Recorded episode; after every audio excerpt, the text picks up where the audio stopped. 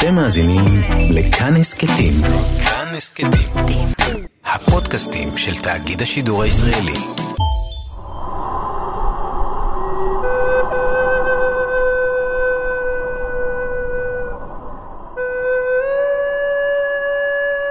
תשמעו סיפור. חצי האי ערב, המאה החמישית לספירה. קייס אבן אל-מולאווה מתאהב בלילה אל-אמירה. הוא כל כך מאוהב בה, שהוא מתחיל לחרוז לשירים, מתפייט על אהבתו אליה ומדקלם את שמה. הוא פשוט השתגע מרוב אהבה. כל כך השתגע, שכולם הכירו אותו בתור המג'נון. העניין היה אבא של לילה.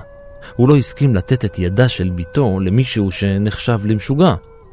וכך יצא שלילה התחתנה עם אחד מהסוחרים העשירים והיפים של שבט תקיף.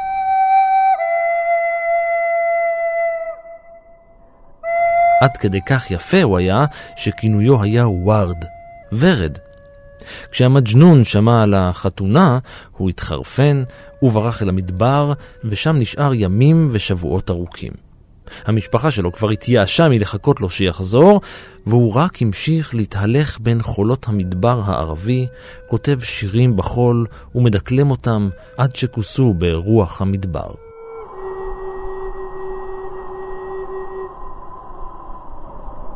בינתיים עברה לילה להתגורר עם בעלה החדש בצפון הרחוק של ערב, שם היא חלתה ומתה, אולי משברון לב. המג'נון נמצא מת לא הרבה זמן לאחר מכן בשממה ליד קברה של לילה. על צל הסמוך הוא חרט שיר בין שלושה בתים, שירו האחרון.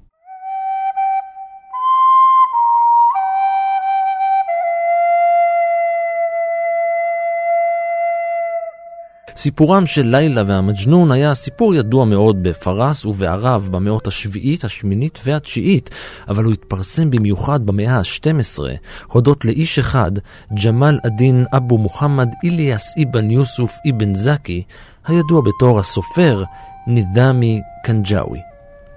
קנג'אווי אסף סיפורים מיתיים וקיבץ מקורות שונים על המג'נון ואהובתו וצייר דמויות חיות של שני האוהבים הדרמטיים. בעקבות קנג'אווי, הרבה סופרים ומשוררים אחרים בפרס כתבו גם הם על אודות הרומן העצוב. ולא רק הם, ולא רק במאה ה-12, גם במאה ה-20. אחד מהם היה אריק קלפטון.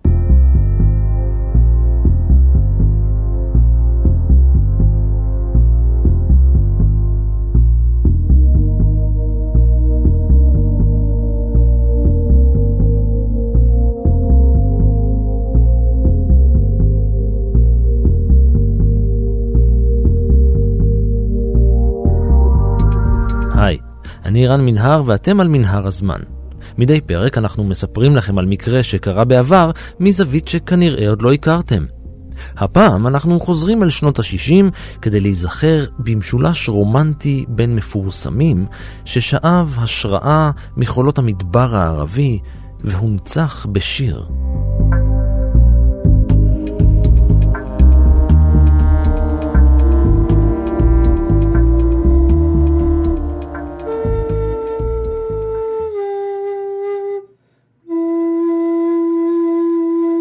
סיפורם של המג'נון ולילה נחשב לרומאו ויוליה של המזרח. הסיפור עבר אין ספור שכתובים, העתקות, גרסאות והופץ אין ספור פעמים, אבל לא סביר ששייקספיר בעצמו שמע עליו מתישהו בחייו במאה ה-16. כי הסיפור תורגם לאנגלית בתחילת המאה ה-19, אז הכיר אותו לראשונה העולם האנגלו-סקסי. ולסיפור, שהיה כבר בן יותר מ-1300 שנה, צמח קהל חדש של מעריצים. כמו בסיפור המומצא של רומאו ויוליה, גם ללילה ומג'נון יש קברים במציאות. על פי הפולקלור ההודי, שני האוהבים ברחו מפרס והשתכנו ברג'סטאן לפני שמצאו את מותם. את קבריהם פוקדים מאות זוגות נשואים טריים מהודו ופקיסטן מדי שנה בפסטיבל בין יומיים בקיץ. הרבה גרסאות יש לסיפור, כמו אחת בה שניים הם בכלל תלמידי בית ספר, אבל אף אחת מהגרסאות לא משתווה לגרסה הבאה.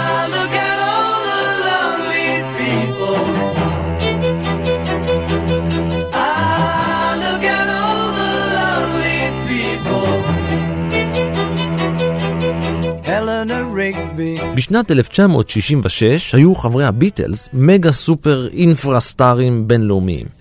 באותה שנה יצא האלבום ריבולבר, והלהקה כבר הייתה פופולרית יותר מישו. we meant more to kids than Jesus did, or religion at that time.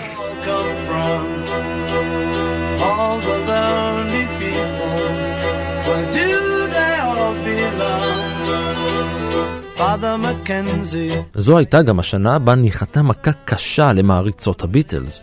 הגיטריסט ג'ורג' הריסון התחתן עם פטרישה אנ בויד.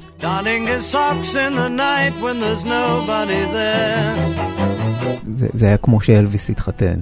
אתה יודע, האנשים האלו לא היו נגישים מצד אחד, אז זה, זה מוזר לבכות על זה, אבל זה הפך אותם לבאמת לא נגישים, אתה יודע.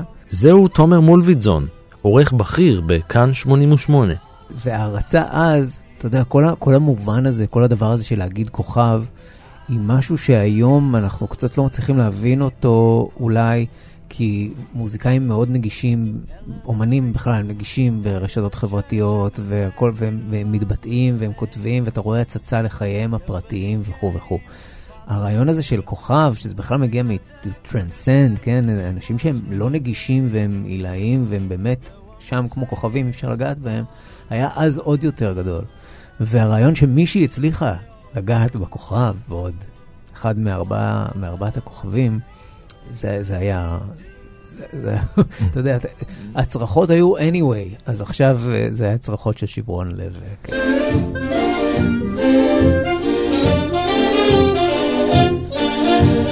Would you like to swing on a star?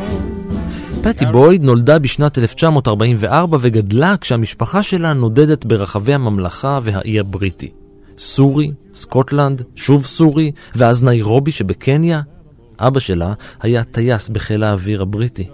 לאחר שהשתחרר, המשפחה השתקעה בחזרה באנגליה.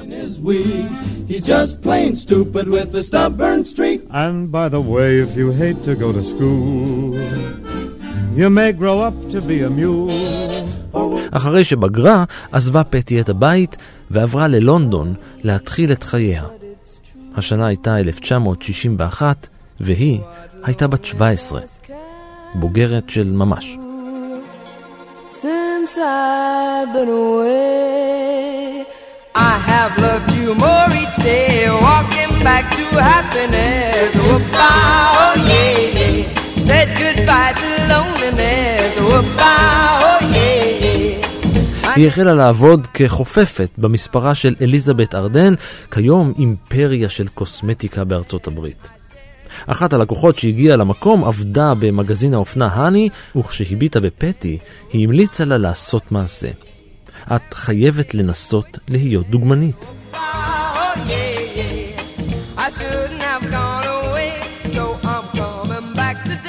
זה, זה משהו תורשתי שם, כי גם אחותה, אה, ג'ני בויד, אה, עשתה, שברה כמה לבבות בעולם הרוקנרול, אה, וגם דגמנה מעט, ו... לא, לא מעט אפילו, ובעצם מיק פליטווד מפליטווד מק אה, מתאהב בקשות והיא יוצרת שם, מה זה היא? הגברים אשמים בסוף, אה, מתאהבים בה בתוך הלהקה, חברי להקה שונים, ויש הרבה בלאגן גם סביב ג'ני בויד, ולא רק פטי, פטי פשוט פה, יש הבדל בין ג'ורג' אריסון למיק פליטווד, והיא זכתה לפרסום אה, גדול יותר. היה להם, למשפחה הזו יופי מרשים ומדהים, ועדין. שמאוד התאים לרוח התקופה אז, של מה דוגמנית צריכה להיות אז.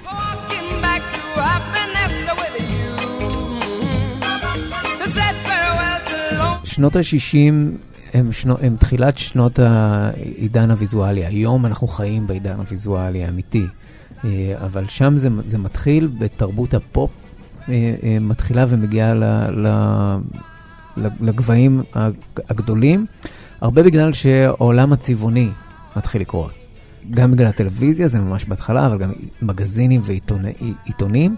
ומה שבאמת קורה בשנות ה-60, והוא מעניין בכל מה שקשור לרוק אנד רול, למוזיקה, דוגמנות וכו', זה שיש מהפכת חינוך במאה ה-20, והיא מובילה לאינפלציה אה, של אה, בני נוער שרוצים ללמוד ולא רק בני נוער, אלא כבר בגילאים המבוגרים יותר שהולכים לקולג'ים. זאת אומרת, חינוך גבוה הופך להיות משהו שהוא נפוץ בכל משפחה, ולא שמור רק למעמד העליון, אלא גם למעמדות, למעמד הביניים. וזה בעצם מוביל, בבריטניה לפחות, לפתיחה של uh, קולג'ים לאומנות. זאת אומרת, אחד הפתרונות היה לשלוח הרבה אנשים לקולג'ים לאומנות. וזה משפיע על שנות ה-60, כפי שאנחנו מכירים אותם כעידן ויזואלי. זאת אומרת, כל המהפכה הזו של הפסיכדליה שמגיעה עם ערבוב של LSD כמובן וסמים, היא, היא קורית שם. דהו וכל מופע הבמה שלהם, שהם עושים uh, גיטרות על הבמה, קשור לקורס באמנות שהם למדו על כך שאמנות צריכה לייצג את הלך הרוח העולם, העולמי. אה, האנושות הורסת את העולם, אז אמנות צריכה לייצג את זה בכך שנהרוס כלי נגינה על הבמה, לדוגמה. כל העידן הוויזואלי מתחיל הרבה הרבה בזכות זה שהרבה מאוד בני נוער היו צריכים מקום ללמוד בו, והאוניברסיטאות המסורתיות או לא היו נגישות להן, או היו מלאות כבר עד אפס מקום. אז פשוט פתחו מלא קולג'ים לאמנות. פטי נראתה כמו בובת חרסינה יפייפייה. היא הקשיבה לעצה, ודי מהר הפכה לאחת מדוגמניות הצמרת העולמיות של שנות ה-60. היא הייתה הלוק של האישה הבריטית החדשה בסיקסטיז. Close your eyes and I'll kiss you. Tomorrow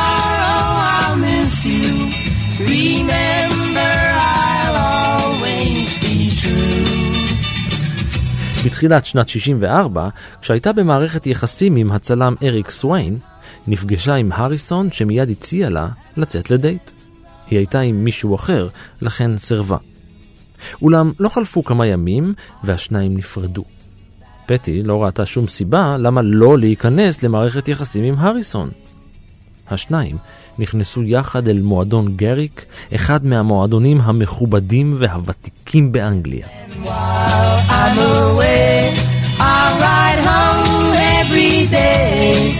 And I'll send all my loving to you.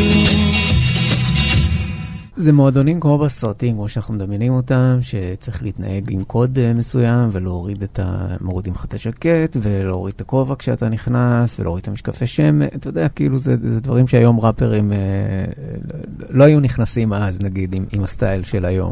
אם אתה לא ברשימה אז מישהו צריך להמליץ עליך, ו, ושוב, אם לא הגעת מכובד אז אתה לא נכנס, ומכובד זה לא אה, ג'ינס כמו שאנחנו רגילים, זה חליפה. חליפה, ושוב, לפתוח לגברת את הדלת, למשוך את הכיסא.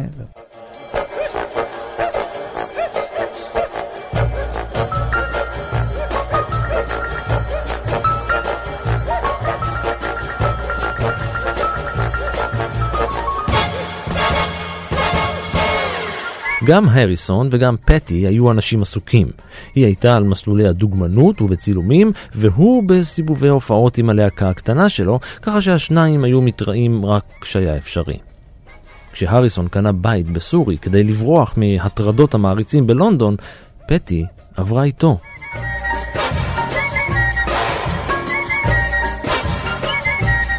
היא הפכה לחלק מחייו ולחלק מחיי הביטלס. בדצמבר 1965, בחג המולד, השניים התארסו.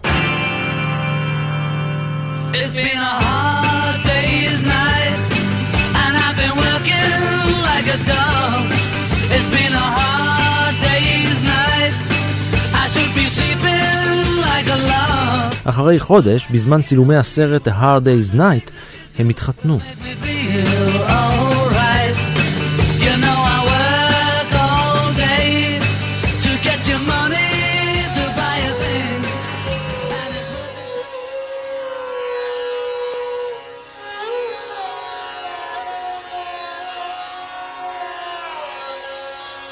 יחד עם הריסון, פטי חוותה את השיא של הביטלס, ויחד איתו היא חוותה את ההארה הרוחנית שחווה בהודו.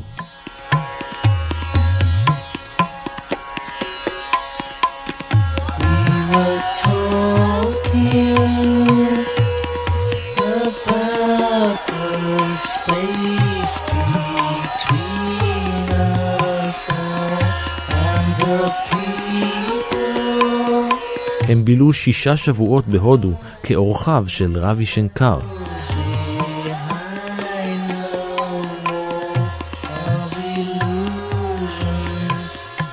מה שעוד חשוב בתופעה הזו של שנות ה-60, ובכלל כל הדור הזה שהולך לקולג'ים, בין אם זה קולג'ים לאומנות או לא, זה בעצם הדור הראשון שהוא יותר משכיל מההורים שלו. ומתחיל להיות פער בין דורי, ומתחילה להיות סתירה בין הערכים שבני נוער האלה גדלו עליהם, לבין המציאות. זאת אומרת, אמריקה מצילת העולם, והשוטר הטוב, והנצרות כאמונה החשובה והיחידה, אה, בזמן שברקע אה, עושים לינצ'ים באפרו-אמריקאים, ורודפים אה, קומוניסטים. ויש הפרדה גזעית, ואונסים נשים אה, אפרו-אמריקאיות, וכו' וכו' וכו'. והנצרות פתאום היא, היא לא בהכרח הדת הזו הטובה שגדלנו עליה, והערכים שלה ושל ההורים שלנו הם לא בהכרח הערכים הנכונים, ובואו נבדוק מה עוד יש בעולם. מה עוד נכון ומה עוד קורה שם.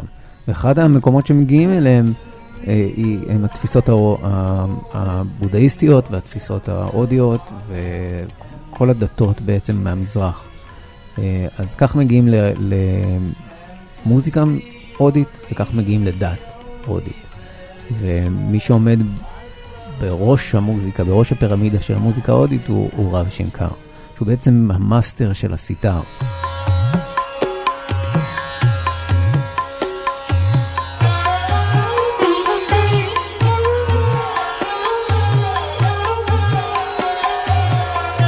כל חברי הביטלס חווים אגב את ההארה הזו כל אחד בדרכו.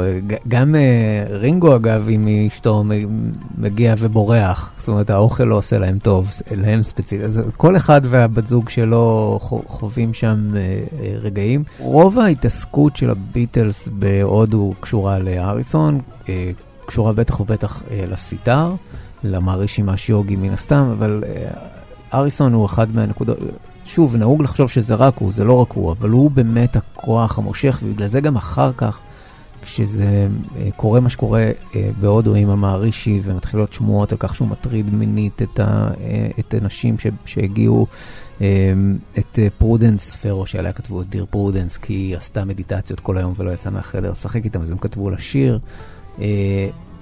אז הריסון מרגיש אשמה על כך שהוא משך את הביטלס לשם. הוא כותב על זה אחר כך שיר שהביטלס לא מכניסים לאלבום הלבן, הוא מוציא אותו אחר כך. אה, אה, בו הוא, שר, I'm not to blame, כן? It's not on me, כן? אחר כך הוא מבין ש, שזה לא הוא, הוא סוג של מתנצל, סוג של uh, לא, לא, לא מתנצל שם. עכשיו שיצאו ההקלטות של uh, The White Album, 50 שנה, אז הוציאו גם את הגרסה שהוא משמיע להם, זאת אומרת הטייק הזה שהוא יושב עם גיטרה ושר להם את השיר הזה, זה מקסים, הם מאלתרים איתו שם יחד.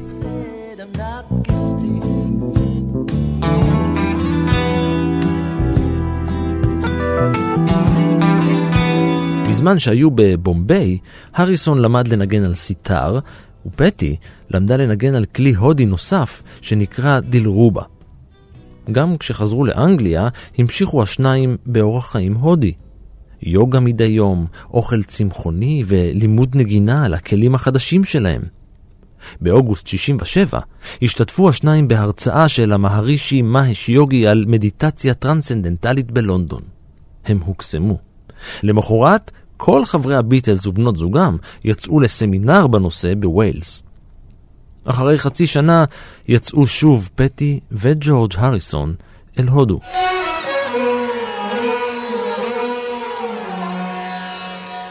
סוף שנות ה-60 היו שנים מוזרות.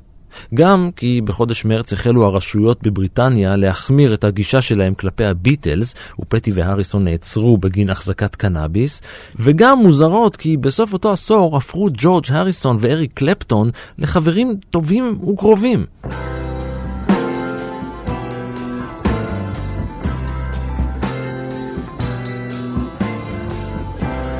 בואו נתחיל מהאובייס, שזה תעשיית מוזיקה. ואנשים uh, uh, מכירים ומתחברים, בטח ובטח הביטלס, ומי שנחשב לאלוהים של הגיטרה בשנות ה-60, אריק קלפטון. Uh, בטח בבריטניה, בטח שנייה לפני שג'ימי הנדריקס גונב את ההצגה. אז הקשר הוא כבר קיים של קולגות. אתה יודע, נגיד אה, קלפטון שומע את יסטרדי אצל מקארטני, באיזה מאחורי הקלעים, כשמקארטני עוד שר Scrambled Eggs, everybody used to call me Scrambled Eggs. אתה יודע, רק כדי שהוא יזכור את המנגינה. אז הם כולם הכירו, אבל המהפך הגדול קורה בסוף שנות ה-60, כששוטר בריטי מתחיל לרדוף את הכוכבים הבריטים.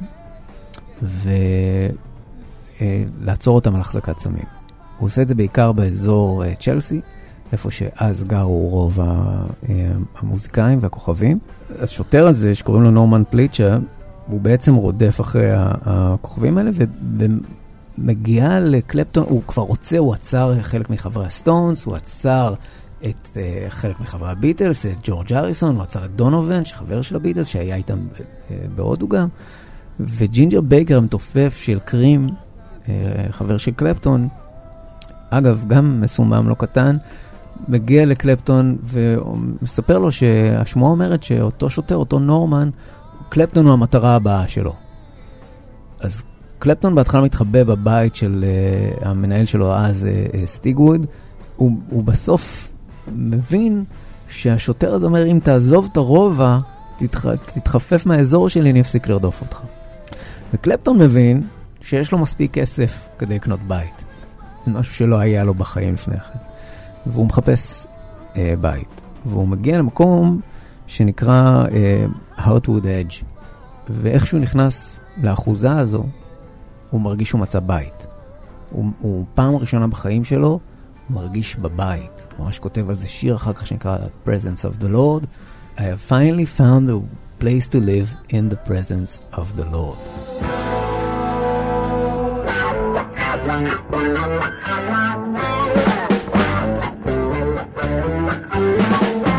במקרה, האחוזה הזו היא בשכנות לבית של ג'ורג' אריסון. ושם הם מתחילים להתיידד, הם מתחילים לחלוק uh, זמן בגינה, מתחילים לנגן יחד, הם כותבים את Here Comes the Sun יחד, uh, ועוד כל מיני שירים, ובאמת מתחילה לי, גם ידידות יצירתית וגם ידידות, זאת אומרת חברות אמיתית וכנה בין שני אנשים, אה, ממש בדיז, כאילו בסטיז כזה.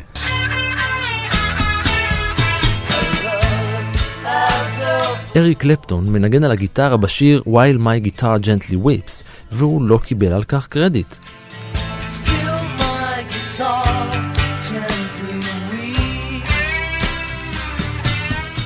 מצד שני, ג'ורג' הריסון היה אחד הכותבים ונגן הגיטרה בשיר Badge של קרים, הלהקה של קלפטון.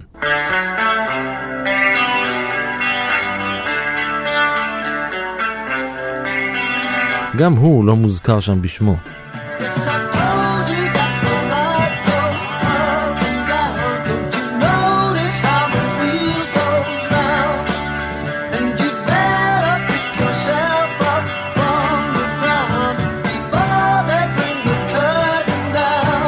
פטי בויד הייתה ההשראה של הריסון לכמה שירים של הביטלס. אולי המפורסם שבהם הוא Something.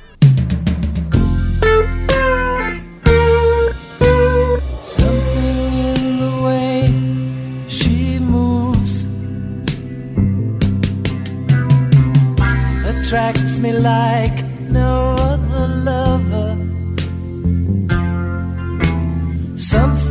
הוא התחיל לכתוב את השיר כבר בשנת 68 כחלק מהעבודה על האלבום הלבן, אבל הוא עזב את זה.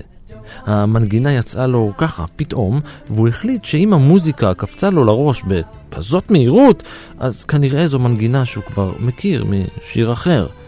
אז הוא הניח את זה.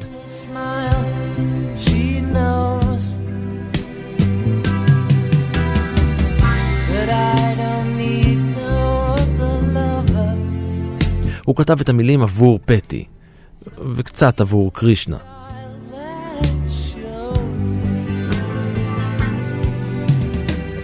ההשראה לשיר Something, בראש ובראשונה ולפני הכל, היא לא פטי בויד והיא לא אלוהים. הוא מוזיקאי בשם ג'יימס טיילור, שמגיע לאודישן בחברת אפל של הביטלס, ובאודישן הזה מבצע שיר שנקרא Something in the way she moves. אריסון, מוכר לכם המשפט הזה, נכון? אריסון אה, במקום מבין שיש פה משהו, אה, הוא לא גונב לו את הלחן, הוא גונב את השורה, גם לא באמת גונב, יש שם שיח ביניהם, יש שם התלהבות הדדית, וזה בעצם נותן לו את ההשראה הראשונית. להשלים איזושהי מנגינה ואיזשהו טקסט שהיה לו בראש איפשהו שם. האם זה על אה, פטי? האם זה על אלוהים? חבר של ג'ורג' אריסון אמר פעם, קוראים לו ג'ון לנון, אנחנו כותבים את השירים, אתם ממציאים את המשמעות.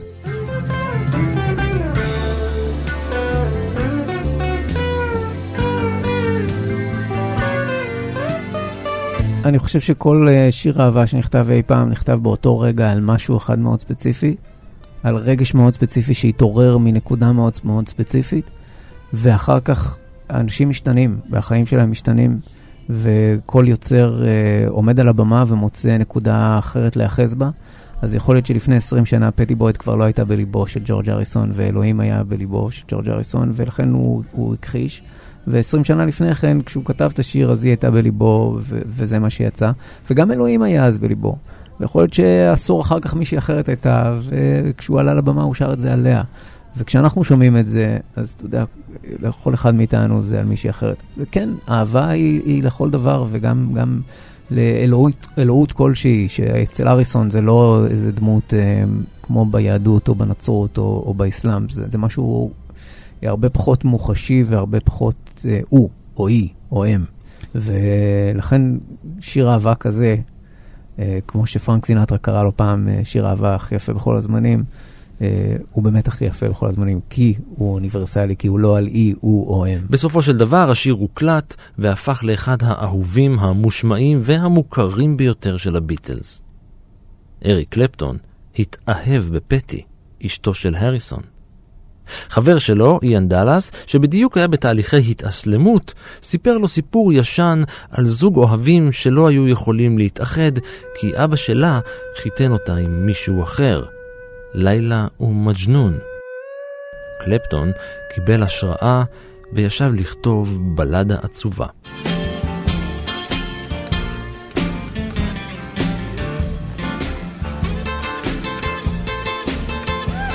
בחודש מרץ של שנת 70, רגע לפני שהביטלס מתפרקים, עברו פטי וג'ורג' לאחוזה חדשה. אבל בין שני בני הזוג התגלעו חילוקי דעות על רקע דתי. הריסון הלך והתקרב עוד ועוד אל תנועת הארי קרישנה, ופטי התרחקה ממנו. הם לא הצליחו להביא ילדים לעולם, והריסון היה נגד אימוץ. בצר לה, וחרף התנגדותו של הריסון, בשנת 71 פנתה פטי בחזרה אל עולם הדוגמנות. המשבר בין בני הזוג החריף. אחרי שנתיים היא ניהלה רומן עם הגיטריסט רוני ווד, בעוד הריסון מנהל רומנים אחרים, כולל עם אשתו של רינגו, מורין. ונוסף על כל זאת, לפטי היה גם רומן עם אריק קלפטון. בעוד קלפטון ופטי מנהלים רומן, וכשהלהקה שלו, קרים, התפרקה, הוא הקים הרכב חדש בשם דרק and the Dominos.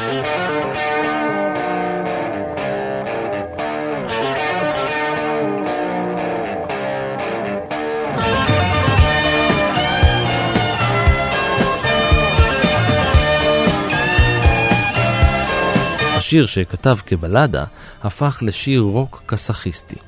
דוויין אולמן, הגיטריסט של ההרכב, הלחין את ריף הגיטרה המפורסם כשהוא מתבסס על קטע של אלברט קינג, As the years go passing by, אבל ממש ממש הרבה יותר מהר.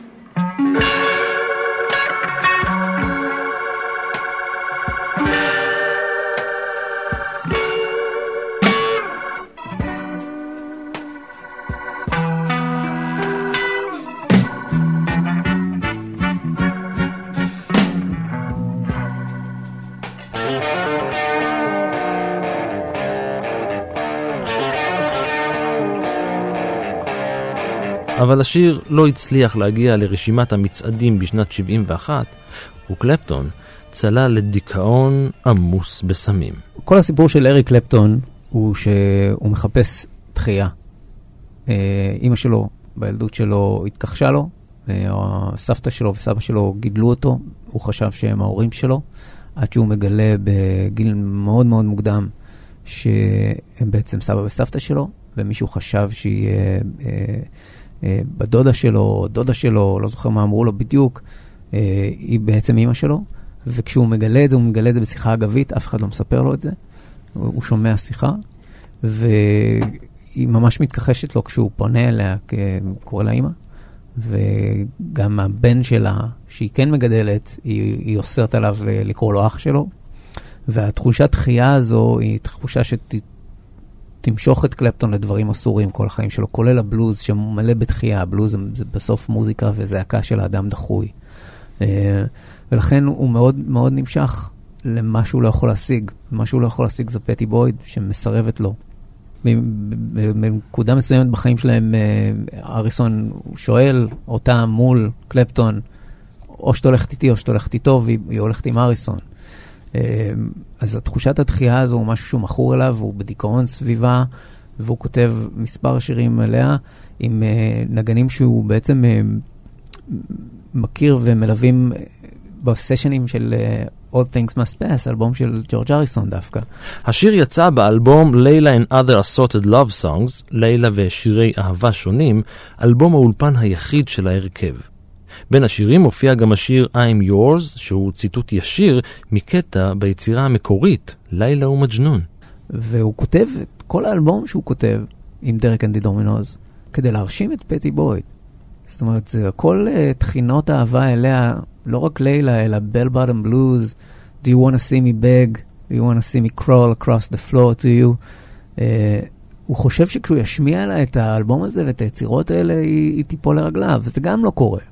קלפטון בשלב הזה בחיים שלו לא רוצה אה, להצליח בגלל שהוא מפורסם. נמאס לו אה, מהכינוי הזה אלוהים, נמאס לו מה super groups שהוא היה בהם, הוא היה בקרים, הוא היה בבליינד פיית', זאת אומרת, הוא היה ברצף של, הוא עזב את קרים כי נמאס לו מ superstars ולהקת קצפת, להקת הכוכבים הגדולים, כן? אה, ובסוף הוא נקלע בעל כורחו ל super band super אחר, שזה כאילו בליינד פיית' עם סטיב ווינווד ועוד פעם ג'ינג'ר בייקר, עוד פעם להקה של אנשים ידועים. נמאס לו מההצלחה הזו ומהציפייה, למה הם קראו לעצמם בליינד פיית'? כי הייתה אמונה עיוורת שהם הצליחו, לא משנה מה הם יעשו. אז הוא רצה לקרוא לעצמו בכוונה דרק אנד דומינוז, הוא לא רצה שיופיע שם אריק קלפטון, לא שום שיווק, שום דבר, הוא רצה שהיצירה תצליח בפני היצירה. ושם הבחירה לא לשים את התמונה שלו ולא לשים את השם. לא אהבתי את זה שהוא כתב את לילה בזמן שהייתי עוד נשואה לג'ורג', סיפרה פטי, הרגשתי חשופה. בשנת 74 היא החליטה לעזוב ועברה לגור עם קלפטון. בשנת 77 התגרשו הריסון ופטי. אחרי שהתחתנתי עם אריק, סיפרה פטי, הוזמנו לאיזה ערב והוא ישב וניגן על הגיטרה בזמן שאני מדדתי שמלה בקומה העליונה. התעכבתי, וכשירדתי הייתי בטוחה שהוא יכעס עליי, אבל במקום זה הוא אמר, תקשיבי לזה.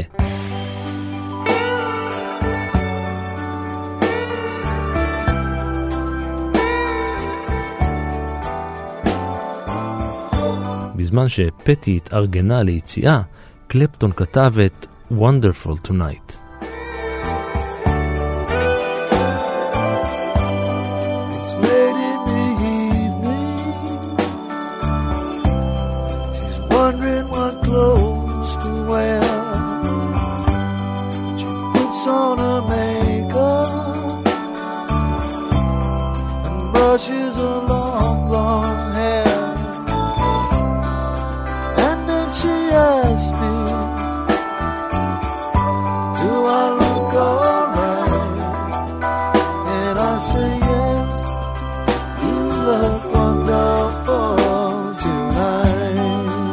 שנתיים היא התחתנה עם קלפטון במהלך סיבוב הופעות באריזונה.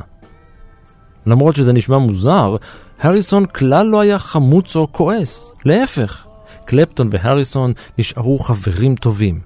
הריסון אפילו ניגן בחתונה שלהם עם פול מקארטני ורינגו סטאר. שוב, צריך להיכנס לרוח התקופה אה, ולהבין את הפתיחות המחשבתית שהייתה אז ערך עליון בראשם של אה, דור הבייבי בום, כל האנשים בעצם שיצרו תרבות ושינו את העולם בשנות ה-60, והתפיסה על מה זה זוגיות ורכוש, ואם מישהו הרכוש שלי, או אם פריט הוא הרכוש שלי, אה, ותחושה של קומונה וחיים שיתופיים. וכנראה שגם היחסים בין אריסון לפטי בויד לא היו, אתה יודע, אם הוא היה באמת, באמת, באמת אוהב אותה כדי לכתוב עליה שיר כמו something, שזה אגב, אולי צריך להדליק אצלנו נורא, שאולי זה באמת לא עליה, אה, הוא כנראה לא מספיק אהב אותה כדי להיפגע, או... וגם כנראה היה אדם מספיק גדול אה, כדי להגיד, אה, אוקיי, החבר הכי טוב שלי רוצה אותה. אני רוצה ברווחתם, ברווחתו, ברווחה שלה. אני אמצא את עצמי במקום אחר. זה בעיניי מקסים. אולם האידיליה לא נמשכה הרבה זמן. פטי לא הצליחה להתמודד עם הנישואין האלה, במיוחד כשקלפטון היה שותה. הרבה. ממש הרבה. ממש, ממש הרבה. הוא התנהג כלפיה באלימות וניהל רומנים רבים מהצד. גם בנישואין האלה לא הצליחו בני הזוג להביא ילדים לעולם. בשנת 85 קלפטון החל לנהל מערכת יחסים עם השחקנית לורי דל סנטו, איתה הוא גם הביא ילד לעולם. שוב, קלפטון מחפש דחייה, אז גם ברגע שהוא משיג את uh, מה שהוא רוצה, הוא הורס אותו. Uh, יצר הרס עצמי uh, בלתי פוסק. Uh, הוא נכנס לדיכאון כי גם כשסוף סוף יש לו את מה שהוא חשב שהוא רוצה, אז זה לא תואם את המציאות ואת מה שיש לו בראש. Uh, כי שוב, הוא רודף אחרי משהו שהוא לא יכול להשיג אף פעם, וזה את הקבלה וההסכמה של אימא שלו. אה, הוא רוטף את אותה תחושת דחייה, כי זה מה שבגיל תשע הוא נחשף אליו, וזה מה שהוא חושב שאהבה צריכה להיות. כאב, סבל, בגידות, אה, דיכאונות, והוא נכנס, הוא, הוא מחליף בעצם התמכרות בסמים והתמכרות באלכוהול. אחרי שנה עזבה פטי את הבית, ואחרי שנתיים השניים התגרשו. ב-2015 היא התחתנה בשלישית עם יזם נדל"ן. See if you can spot this one.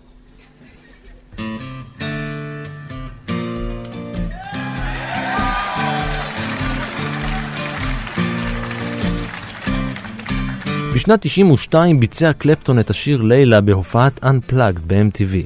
זו הייתה גרסה אקוסטית איטית ממש של השיר, והיא זכתה בפרס הגרמי לשיר הרוק הטוב ביותר.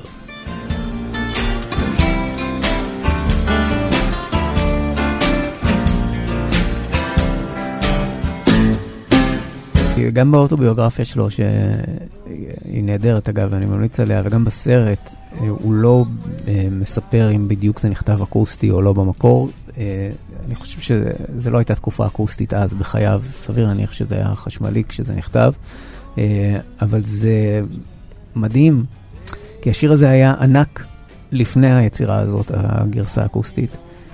הוא היה כבר אחד, אחת היצירות הכי, כבר הייתה אחת היצירות הכי חשובות בהיסטוריה של הגיטרה ובהיסטוריה בכלל.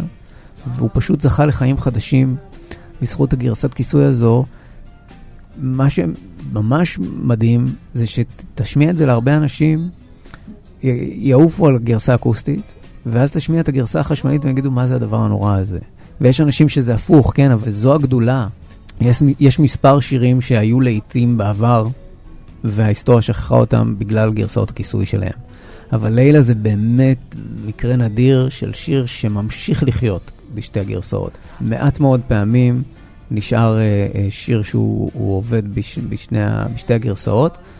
Uh, אפרופו ביטלס, With a little help from my friends של הביטלס וג'ו קוקר, שתיהן, שתי, שני השירים האלה ממשיכים לחיות יחד נפלא, אבל אותו אומן עם, עם שיר בשתי, בשתי גרסאות שונות. For I finally go insane. don't say you'll never find your grave. Tell me all my love today, Layla. Got me on my knees, Layla. ועד כאן מנהר הזמן להפעם. תודה לתומר מולביטזון, תודה גם לאור מנהר ששיחק גיטר הירו והיה על ההפקה, ולניר גורלי ששב מהודו והיה על העריכה. סיפורים נוספים מההיסטוריה ופרקים אחרים של מנהר הזמן מצפים לכם כל העת באתר שלנו, באפליקציה כאן, בכל יישומון הסכתים אחר וגם בספוטיפיי. אתם מוזמנים להמשיך ולעקוב אחריי ברשתות החברתיות, בפייסבוק ובטוויטר, להגיב, להציע רעיונות ובעיקר להתחבר. אני רן מנהר, נשוב וניפגש בפרק הבא.